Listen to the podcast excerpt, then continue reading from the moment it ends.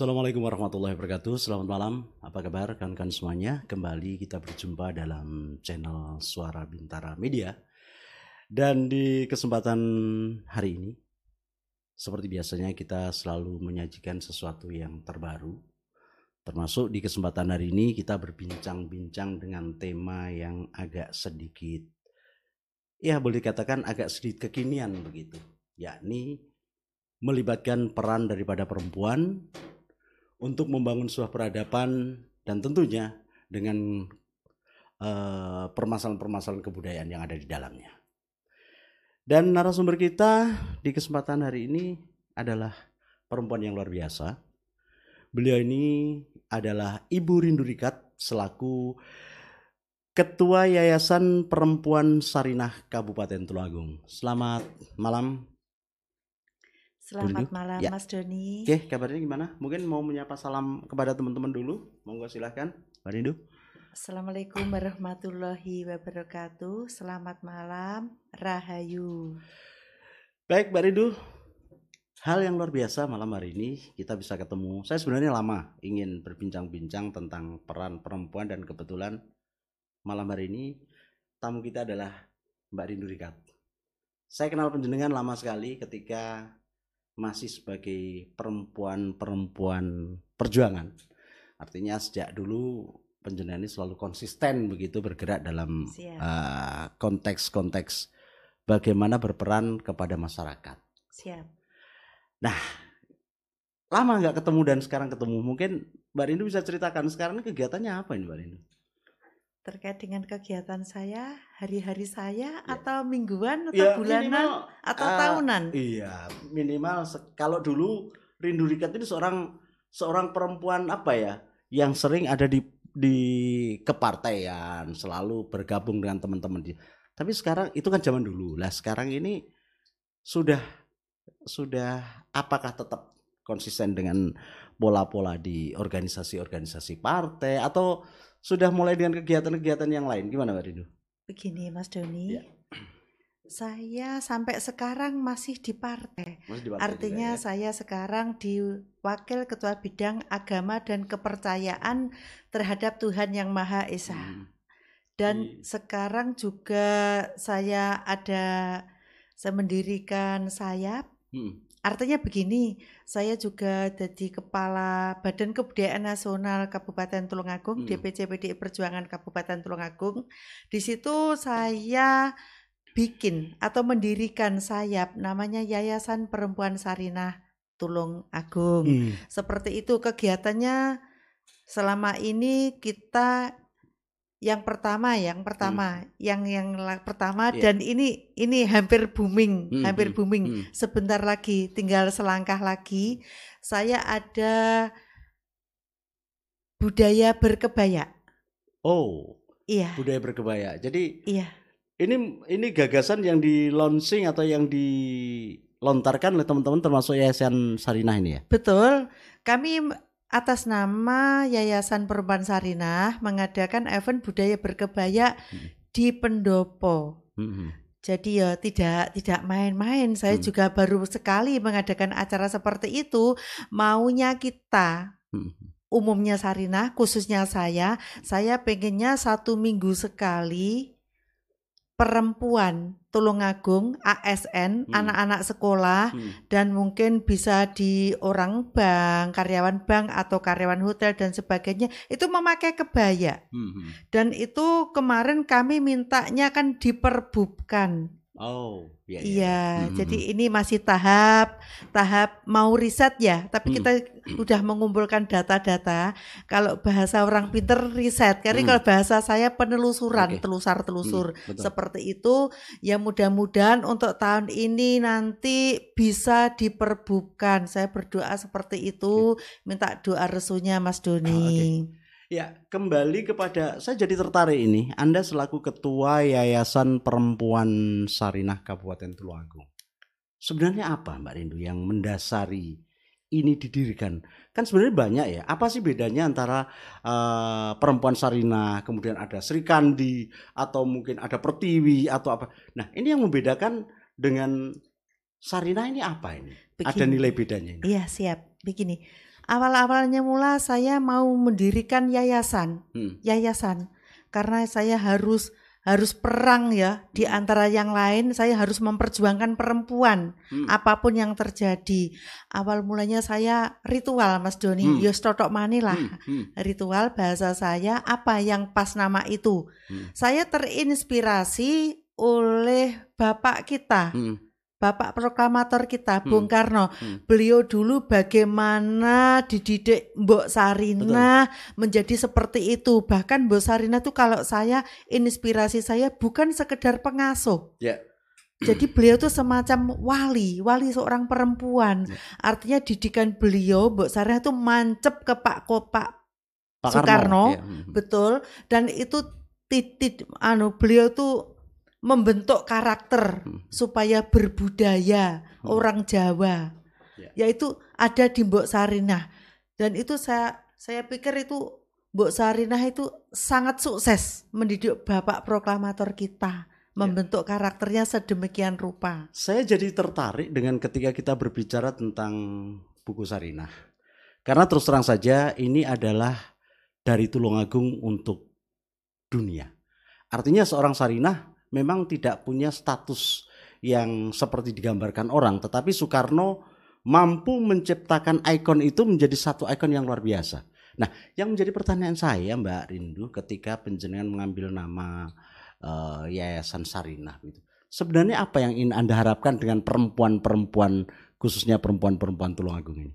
Begini Mas Doni, dengan saya mendirikan Yayasan Perempuan Sarinah Tulungagung, hmm. saya pengennya itu kemarin di di not notaris hmm. itu bunyinya kan bergerak di bidang kebudayaan. Hmm. Jadi saya nguri-nguri budaya yang asli dari Tulungagung khususnya umumnya se Indonesia hmm. yang hampir punah. Contoh kasus kemarin saya merintis ketoprak. Hmm. Bahkan ketoprak itu saya namai Sarinah Budoyo. Saking cintanya saya Saking saya tuh salut kepada beliau, saya mengidolakan beliau. Jadi saya namakan ketoprak Sarinah Budoyo yang kemarin sudah pentas pada waktu HUT Kabupaten Tulungagung di Gor. Lembu Peteng. Jadi tidak itu saja, saya juga mulai besok itu sudah latihan karawitan. Karawitan tuh ibu-ibu. Ya. Itu juga semua ya anak-anak teman-teman perempuan Sarinah. Ya. Jadi saya pengennya itu budaya yang hampir punah. Mari kita bangun. Mari kita, kita bangunkan. Oke, kalau kita mengambil seperti yang disampaikan Bu Rindo tadi adalah mengambil inspirasi dari Sarina. Sebenarnya apa yang ingin Anda uh, bangun kepada perempuan-perempuan ini? Apakah penjelasan ingin membangun karakter perempuan-perempuan itu menjadi minimal terinspirasi dengan dengan uh, seorang Sarinah atau mungkin lebih luas lagi? Mungkin Mbak Rindu bisa jelaskan ini. Pengennya saya lebih luas lagi, tidak mandek di situ hmm. maksud hmm, saya hmm. ya.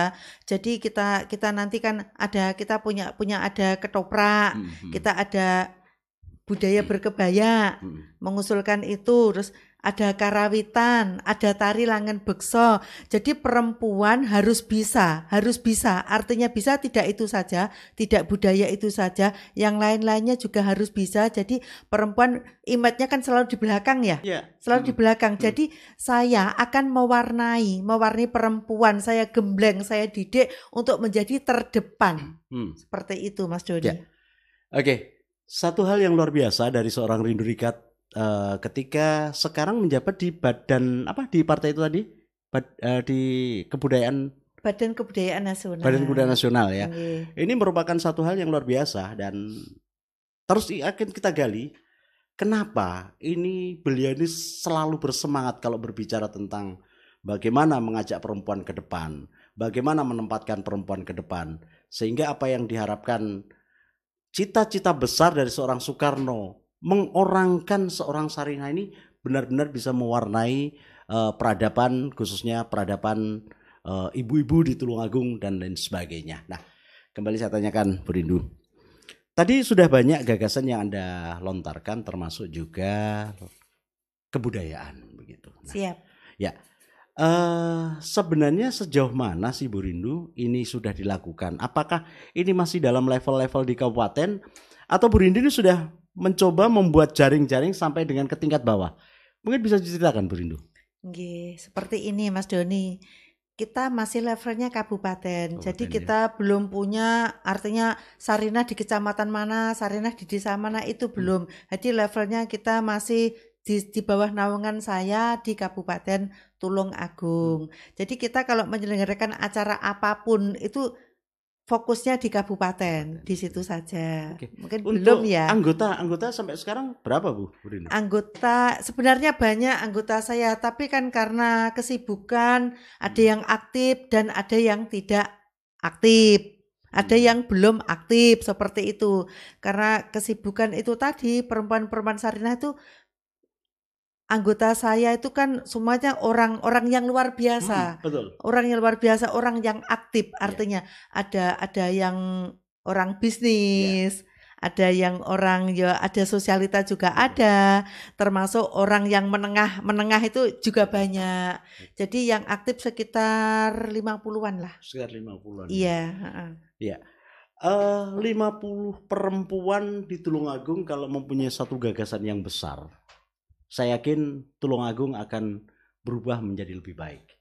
Tetapi bagaimana yang harus dilakukan oleh seorang Rindu Rikat ketika beliau sebagai Ketua Yayasan Perempuan Sarinah Kabupaten Tulungagung?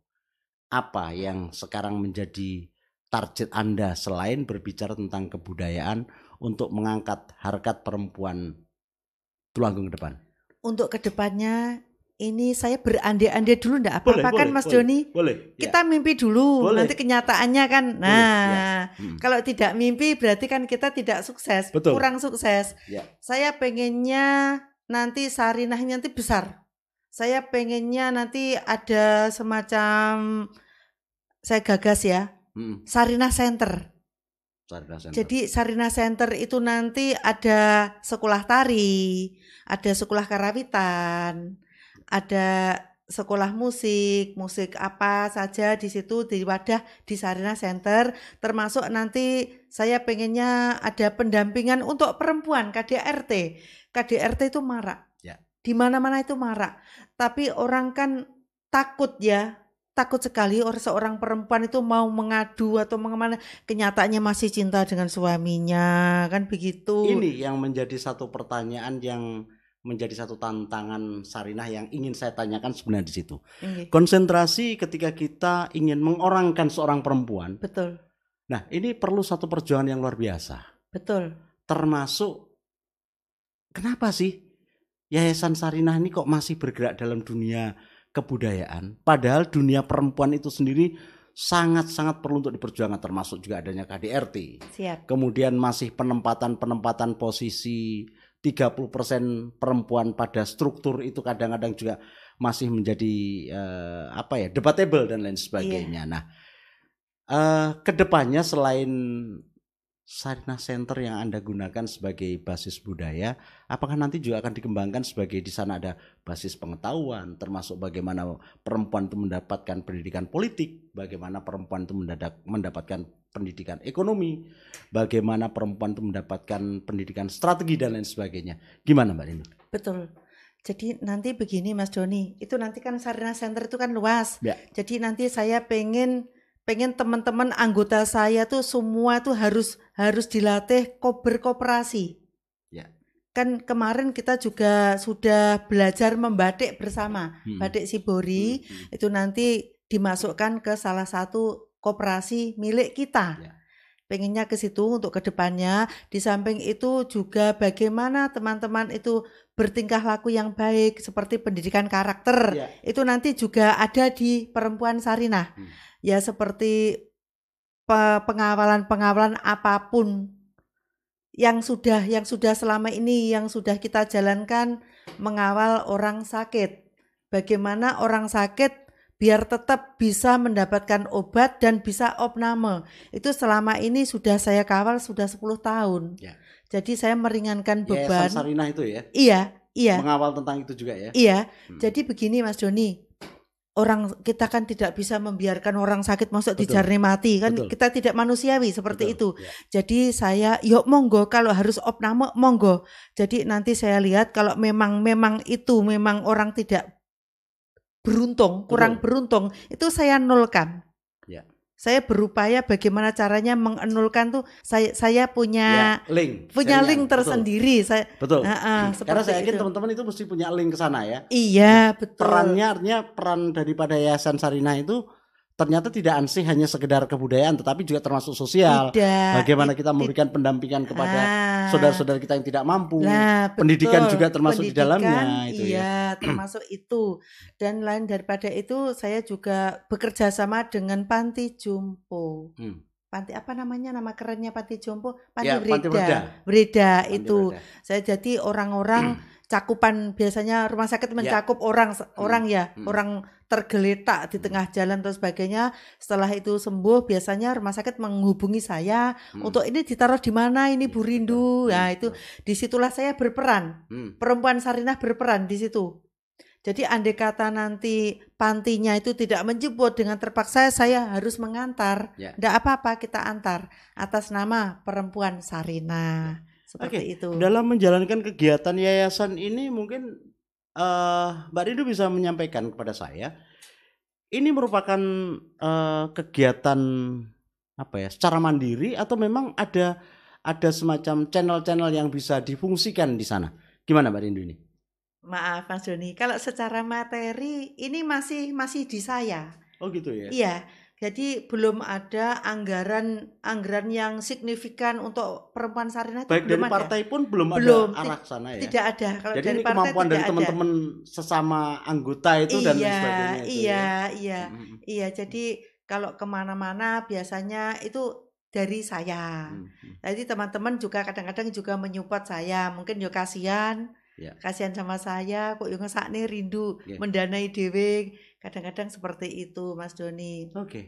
ya hal hal-hal seperti ini memang selain sebuah kesabaran, juga kesadaran dan ternyata juga menjadi apa ya semacam lembaga yang peduli dengan sesuatu kepentingan masyarakat secara umum ini kadang-kadang juga susah dilakukan.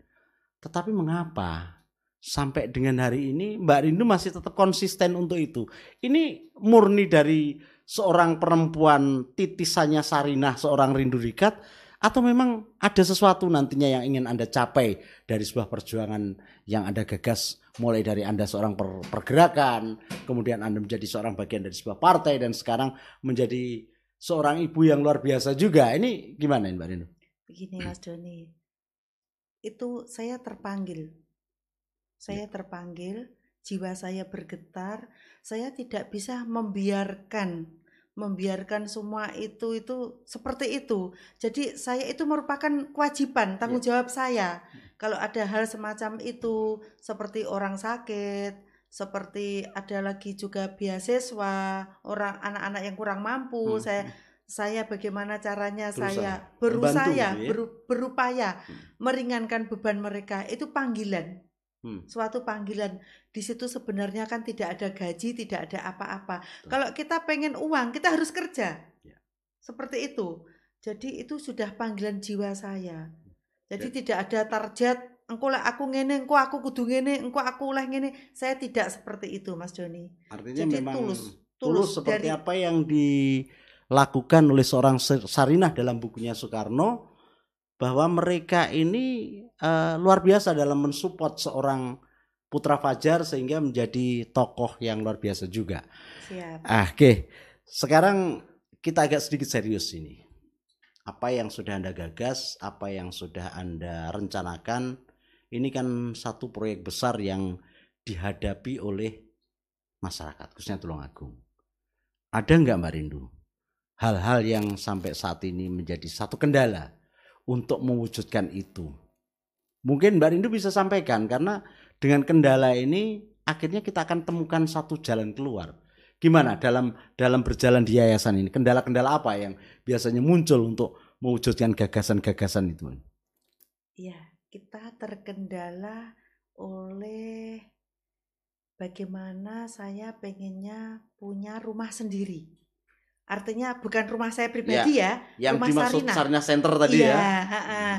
Saya kan belum punya rumah. Hmm. Jadi saya mau mengajukan apa itu belum punya tanah. Jadi kalau sudah punya tanah, andai kata kita mengajukan program baru bisa hmm. kan begitu hmm, hmm. kendalanya bagaimana caranya saya punya tanah mau ndak mau ya dipikirkan ya. saya sudah koordinasi dengan sana sini sana sini kalau boleh saya pinjem tanah punyanya perhutani hmm. untuk rumah budaya kita hmm. tapi yang selama ini yang saya dapat jawabannya kan rumah apa itu namanya hutan milik perhutani itu kan hanya setengah badan. Ya. Jadi tidak boleh dibangun permanen. Hmm. hmm, hmm. Kalau nanti rumah kita di perhutani, terus andai kata kita punya gamelan, tetek bengek dan sebagainya hilang terus piye. Ya. Jadi kendala saya cuma di situ tadi. Termasuk kendala-kendala anggota ada enggak? Artinya ketika uh, seorang rindu rikat memiliki satu gagasan, kemudian yang namanya organisasi lah biasa seperti itu. Nah, ini ditemukan enggak beda pendapat sesama anggota dan lain sebagainya itu? Itu manusiawi, Mas Doni, pasti ada hmm, lah, hmm, hmm. pasti ada. Bahkan ada yang sampai ngambek-ngambekan keluar itu juga ada. Tapi saya tetap positif ting-ting aja. Hmm. Nanti beli mereka kalau nanti sadar apa makna bersarinah, apa makna nguri-nguri budaya. Pada budaya itu harus diuri-uri ya. karena itu peninggalan leluhur kita yang di Luhung. Yeah. Kalau ndak kita, siapa lagi? Hmm. Orang tidak tidak peduli dengan seiringnya perjalanan waktu ya. Hmm, hmm. Budaya kita hampir terkikis punah. Begitu Mas Joni? Hmm. Hmm. Budaya yeah. barat yang masuk, budaya dari Timur Tengah yang masuk. Sedangkan budaya kita sendiri Makanya ketika Anda mengambil satu inisiatif dengan uh, inspirasi seorang Sarinah ini merupakan satu hal yang luar biasa. Karena tidak seperti yang dibayangkan orang ketika kita berbicara tentang emansipasi. Yang diharapkan sebuah emansipasi oleh seorang Soekarno itu bukan emansipasi neofeminisme seperti di barat. Tetapi bagaimana perempuan itu berperan di Indonesia dengan adat, etika, budaya Indonesia. Nah, nah ini yang menjadi satu tantangan. Nah, apalagi sekarang ini perkembangan waktu sudah semakin cepat begitu. Nah, bagaimana? Ini teman-teman Sarinah dalam mempersiapkan laju waktu yang harus tetap terkejar ini. Gimana Mbak Rindu mungkin punya punya apa ya semacam cerita-cerita ter terkait dengan mengantisipasi hal-hal seperti itu kepada perempuan-perempuan Tulungagung ini. Nah, begini Mas Doni, teman-teman itu sudah saya bentuk karakter untuk selalu pakai kebaya. Ya. Ke mana pun dia pergi. Ya jadi kalau ada undangan, undangan saya yang undang semua pakai kebaya. Ya. Termasuk arisan rutinan semua pakai kebaya. Hmm. Tidak ada yang pakai non kebaya. Maaf ya. ya. Maaf, ya. mungkin boleh, ada yang boleh. tersinggung. Ha, seperti itu. Terus di lain waktu teman-teman kalau mau diundang hajatan, saya tekankan harus pakai kebaya. Ya. Kebaya itu merupakan uh, ciri khas yang harus tetap di dipertahankan begitu ya betul, maksudnya. Betul, ya. betul. Dan itu juga ikonnya perempuan Sarina, ya. yaitu pas selalu pakai kebaya ke mana pun dia pergi. Hmm. Jadi lambat laun, lambat laun orang kan akan cinta pada hmm. budayanya. Hmm. Jadi untuk menangkis budaya dari Barat, ternyata ki kebaya juga enjoy. Ya. Juga enak aja. Saya sendiri pakai kebaya, saya bisa nyetir, bisa nyetir pick up, yeah. bisa nyetir sembarang kalir, saya juga bisa ngapa-ngapain. Hmm. Sebenarnya itu tidak ribet sebenarnya. Oke. Okay. Hmm. Ketika uh, teman-teman Yayasan Sarina punya satu gagasan bagaimana identitas itu ditancapkan, contohnya adalah tentang kebaya. Perempuan itu dalam tanda petik wajib cinta dengan kebaya kan begitu. Betul. Nah, ini bagaimana dengan perkembangan zaman? Kemudian dipadu dengan dengan busana-busana yang lain termasuk dengan uh, perkembangan-perkembangan dari kelompok-kelompok tertentu dan lain sebagainya. Nah, ini kebaya ini terbuka nggak ketika di disondingkan, digabungkan dengan perkembangan-perkembangan style yang saat ini lagi berkembang. Gimana, Berindu? Nah, begini, style kebaya itu sebenarnya sebenarnya itu sangat bersahaja ya Mas ya hmm, hmm. sebenarnya ya. Hmm. Tapi kita kan tidak memacu kebaya harus kutu baru, tidak harus begini, tidak harus begini dan seperti jarik hmm. bisa jarik yang molor seperti yeah, ini betul. bahkan bisa jarik sing rodok mekrok kan begitu jadi Jadi kita tuh bisa menyesuaikan di mana pun. Ya? Iya, terbuka. Ya, Jadi saya tidak harus seperti ini. Oh. Tidak, tidak ya. seperti itu. Ini yang perlu ditegaskan karena ketika kita tidak memberikan satu penjelasan, kita nanti di, dianggap ras begitu ya. Nah, tetapi ternyata seorang rindu dikat mampu memberikan satu argumennya bahwa yang namanya kebaya, kemudian juga paduan-paduan budaya tradisional khususnya pakaian-pakaian tradisional ini adalah pakaian-pakaian yang mampu bersosialisasi dengan perkembangan-perkembangan style iya, zaman dan ya. sesuai ya. dengan keadaan dan keadaan iya okay. di mana mereka berada hmm. kan seperti itu ya uh, kemudian ketika semua gagasan-gagasan tadi Mbak Rindu sudah sampaikan ada hal yang sekarang ini menjadi satu catatan satu di antaranya tadi adalah termasuk uh, adanya kekerasan perempuan yang ini juga KDRT. harus menjadi garapan teman-teman Sarinah karena Betul. mau tidak mau ini adalah bagian daripada keperempuanan itu. Betul. Ini lagi perkembangan waktu juga situasi Covid. Bagaimana peran teman-teman uh, Sarinah dalam dalam ini uh, menjawab situasi Covid ini? Mungkin Mbak Rindu juga bisa sampaikan. Seperti ini. Karena Covid itu kan tidak boleh dilanggar ya. Betul jadi kita mengadakan acara sesuai dengan prokes yang ada. Hmm. Jadi acara apa pun kita patuhilah. Hmm. Kita menghormati pemerintah. Hmm. Karena saya juga tidak mau disemprit. Yeah. Namanya Rindu Rikat, politisi, ketua Sarina dapat hmm. disemprit itu kan sangat ironis. Yeah. Yeah. Jadi teman-teman itu saya tekankan di mana pun berada selalu pakai masker. Meskipun sudah tampil cantik, anggun pakai masker sesuai dengan pemerintah, anjuran pemerintah. Artinya sepakat dengan dengan apa yang saat ini uh, yang lagi dijalankan oleh pemerintah begitu ya. Sepakat sekali sepakat kalau sekali. kita kita Terus kemudian uh, termasuk juga pendampingan-pendampingan kepada saudara-saudara kita yang beberapa maaf, beberapa hari yang lalu atau beberapa episode yang lalu kan namanya Covid kan begitu. Nah, ini sampai sejauh mana teman-teman uh, Yayasan Sarinah ini masuk kepada mereka atau sampai menghubungkan bagi yang tidak mendapat tempat kemudian teman-teman Sarinah berusaha untuk uh, membantu mereka sampai sejauh mana ini kita selama ini selalu koordinasi dengan rumah sakit hmm. Hmm. andai kata ada yang harus perlu dijemput hmm. ada yang telepon saya hmm. atau telepon anak buah saya hmm. andai kata seperti itu kita soundingkan ke rumah sakit yeah, yeah. jadi kita komunikasi baik dengan rumah sakit dengan siapa pun hmm. kayak ya. Oke, okay, Mbak Rindu. Ketika kita berbicara di podcast hari ini kan apa yang sudah kita sampaikan kan ini merupakan hak publik begitu ya. Okay. Kita ngomong dari awal sampai sekarang itu ada yang belum saya tanyakan. Iya. Untuk kantornya di mana Mbak Rindu ini? Atau kak artinya sekretariatnya Yayasan Sarinah itu di mana? Terus kemudian kalaupun ada masyarakat yang membutuhkan harus menghubungi nomor atau bagaimana ini Mbak Nindu? Untuk sekretariatnya di mana ini? Sekretariat itu di rumah saya. Hmm. Tadi sudah saya sampaikan bahwa kita belum punya rumah. Hmm, betul. Nah, Tapi minimal disampaikan di di mana begitu? Ya, rumah saya di Perum Delta nomor 1B Kuto Anyar Tulung Agung. Ya.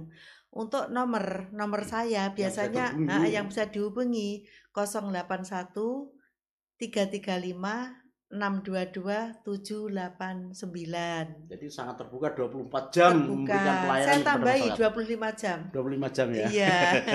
Kalau untuk masyarakat ya. di mana saya dibutuhkan kapan pun itu saya nomor satu kan, saya prioritaskan. Oke. Mbak Rindu, kadang-kadang begini, teman-teman Sarina sepengetahuan saya, okay. ini orangnya modelnya kan sosialitas semua itu. Iya. Nah, kadang-kadang ketika kita mau berkomunikasi dengan teman-teman khususnya anggota-anggota Yayasan Sarina, ini kadang-kadang ada rasa keengganan. Nah, untuk menjawab ini semuanya, untuk memberikan uh, kepada masyarakat apa yang perlu anda yakinkan bahwa Yayasan Sarina adalah bagian dari masyarakat itu sendiri. Jadi nggak perlu ada perasaan A, B, C. Mungkin bisa disampaikan. Yeah. Semua anggota saya itu open, semua terbuka dengan iya. siapa pun. Okay. Itu yang selama ini saya briefing, saya tekankan ke ke anggota saya. Jadi kelihatannya wah sebenarnya biasa saja. Ya. Mereka juga baik kok dengan siapa saja ya kita juga tolong menolong. Oke, ya uh, saya jadi tertarik untuk terus bertanya pada Mbak Rindu karena berbicara tentang inspirasi seorang Sarina ini kan tidak berhenti begitu saja. Permasalahan-permasalahan perempuan selalu hadir. Betul. Yang saat ini menjadi satu pertanyaan. Ini kita tidak tidak menutup mata ya. Teman-teman uh, para pekerja seni, khususnya perempuan-perempuan, entah itu penyanyi elektron, entah itu penyanyi-penyanyi apa ya, katakanlah panggung dan lain sebagainya. Dalam pandemi ini rasa-rasanya juga menjadi sorotan masyarakat. Betul. Mereka ingin mempertahankan hidup tetapi lahannya terbatas. Betul. Sehingga mereka uh, dalam tanda petik mengambil jalan pintas dan lain sebagainya. Nah, kondisi-kondisi seperti ini apakah juga pernah masuk dalam uh, telinga Yayasan Sarinah? Termasuk hal-hal seperti itu. Nah, itu sebenarnya saya tuh sangat iba pada mereka ya. Hmm. Iba sekali. Walah, kayak pelaku jaranan saya kira naik senanggap ya. karena seperti ini kayak pelaku ludruk kayak pelaku penyanyi hmm. dan sebagainya tapi kan itu kan aturan pemerintah tidak bisa dilanggar hmm. jadi saya belum nemu selama ini belum nemu apa yang pas buat mereka hmm. pernah ada mbak Rindu eh, katakanlah Yayasan Sarinah ini ketemu dengan penentu kebijakan diajak diskusi mencari satu model-model inovasi. Karena di daerah-daerah lain itu ada sebuah inovasi-inovasi yang luar biasa tetapi di Tulungagung itu kayaknya perlu suntikan-suntikan ide. Mungkin Yayasan Sarinah adalah bagian daripada penyuntik ide itu sendiri. Gimana? Sebenarnya ide itu sudah kemarin saya sudah koordinasi dengan salah satu salah dua hmm. orang. Hmm saya bagaimana kalau kita mengumpulkan para para para para seperti itu hmm. kita nama kita bikin acara atas nama perempuan Sarina hmm. tapi sampai sekarang masih masih belum hmm. ya mungkin dua tiga bulan lagi lah itu hmm. terlaksana setelah setelah kami mengadakan riset untuk baju kebaya oh, iya. nah, setelah baju kebaya kita juga nanti mempersiapkan hari ulang tahun untuk pentasan ketoprak saya hmm. oke okay kita berbicara tentang uh, peran ke depan. Selain tetap bersumber pada kebudayaan-kebudayaan lokal Tulungagung tetapi perempuan Sarina juga tertantang untuk menjawab teman-temannya seperti teman-teman Mas Sasar. Ini seorang penyanyi-penyanyi di karaoke-karaoke yang jadi purol-purol itu. Yang tanda petik kadang-kadang menjadi bagian daripada yang dikesampingkan orang. Tetapi perempuan dalam konteks yang di itu tadi ada tanda petik plural itu kan juga manusia juga ya, mereka betul, juga. perempuan betul, juga ya. nah ini bagaimana?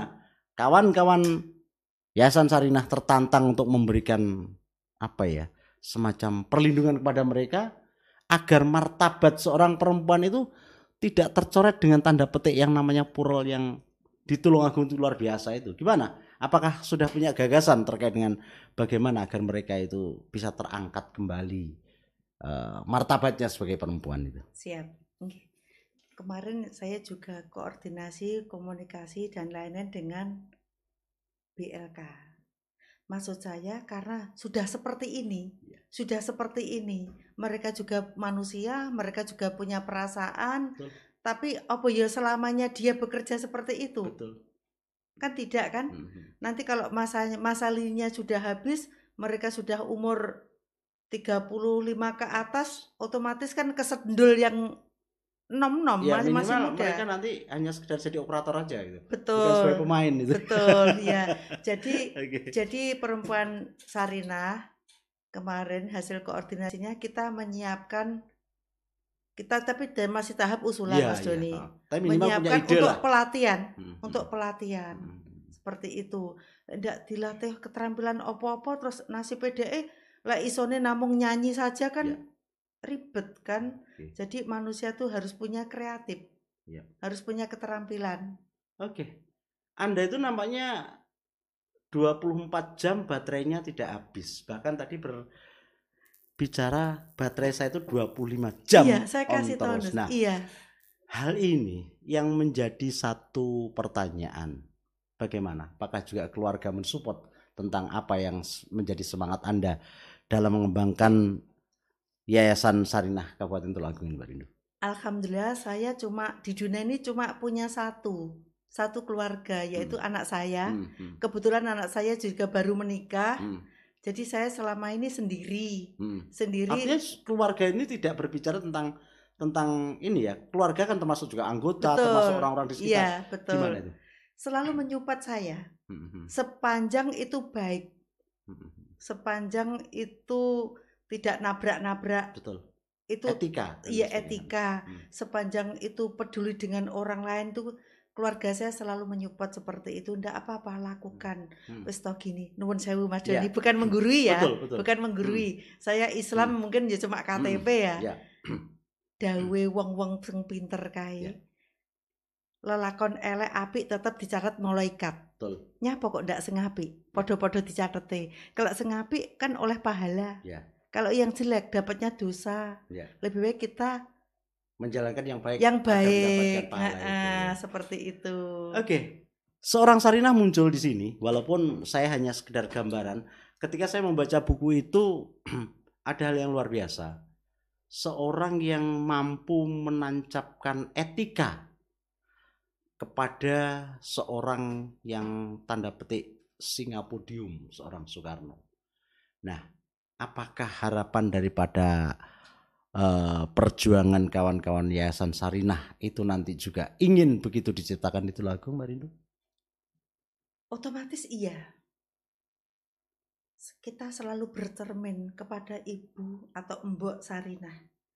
Cerminan kita di zaman dahulu kala yang belum begitu hebat ada IT dan sebagainya. Mbok Sarina sudah begitu begitu artinya begitu pinter ya. Begitu mampu melewati ruang dan waktu gitu ya. begitu mampu beliaunya. Tidak disangka-sangka beliau itu seorang pahlawan. Ya.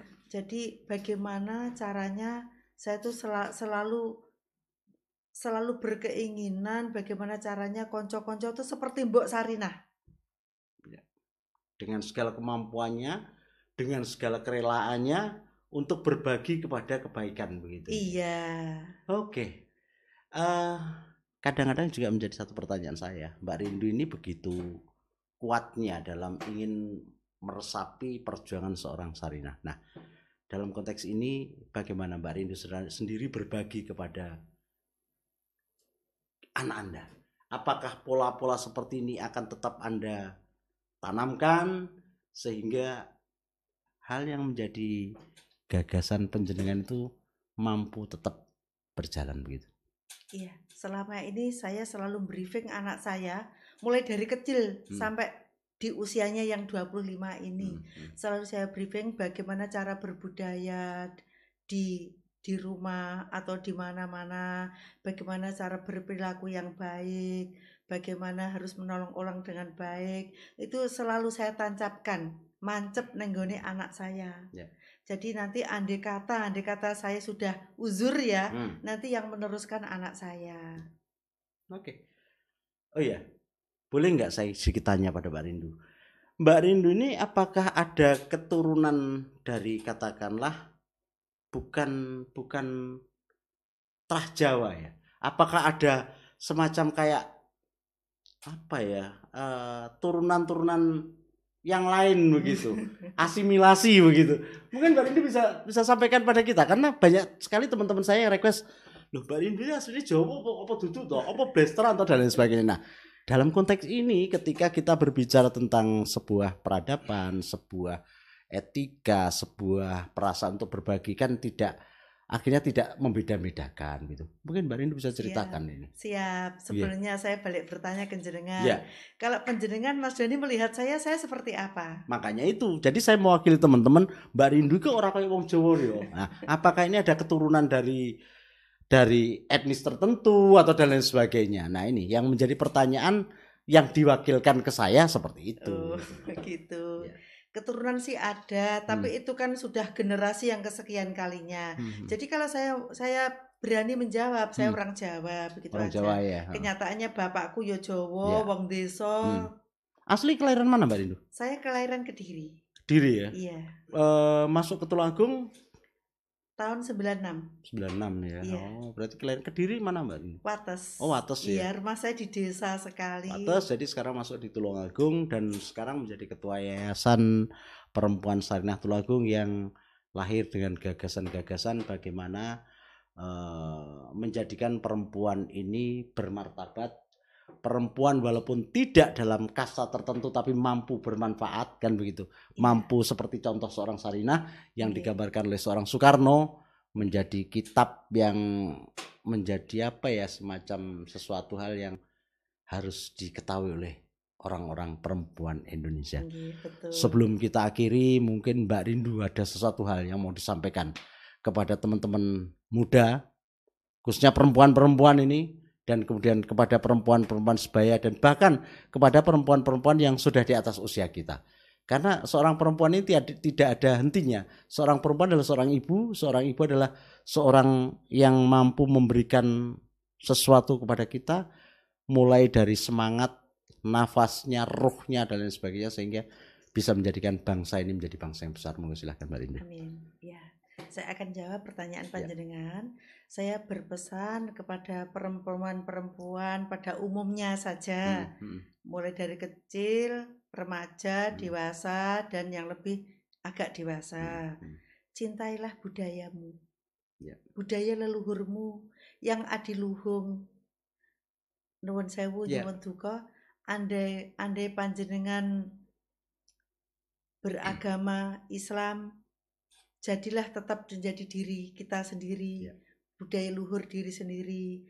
Andai panjenengan jadi orang Nasrani, tapi harus tetap cinta budaya sendiri. Jangan ke Hongkong Hongkongan atau ke Korea Koreanan. Andai kata jadi semuanya saja. Pesan saya cuma itu, cintai budayamu sendiri. Budaya kita di Amerika sangat dikagumi. Bahkan orang Amerika, orang orang Australia dan lain-lainnya mereka itu belajar gamelan yeah. belajar subosito kita yeah. tapi kenapa orang-orang kita sendiri tidak mau itu kan sangat ironis yeah. jadi pesan saya seperti itu aja yeah. sekali lagi cintailah budayamu sendiri yang begitu adiluhung yeah. itu adalah warisan nenek moyang kita okay. satu hal yang ternyata luar biasa pesan seorang Sarinah bagaimana menjadikan diri Anda sebagai bagian daripada Indonesia. Kalau Anda jadi seorang Islam, Anda adalah Islam Indonesia. Betul. Kalau Anda jadi seorang Nasrani, maka Anda adalah seorang Nasrani yang berakar pada Indonesia. Begitu juga ketika Anda beragama Buddha, Hindu, dan lain sebagainya, bahkan kepada penganut. Yakinilah bahwa kebudayaan Indonesia adalah kebudayaan yang tidak kalah dan bahkan Indonesia merupakan pemilik kebudayaan yang luar biasa yang sudah diakui oleh dunia. Sebelum berakhir, semoga perbincangan ini bermanfaat untuk kita semuanya. Saya Doni Suara, terima kasih. Assalamualaikum warahmatullahi wabarakatuh.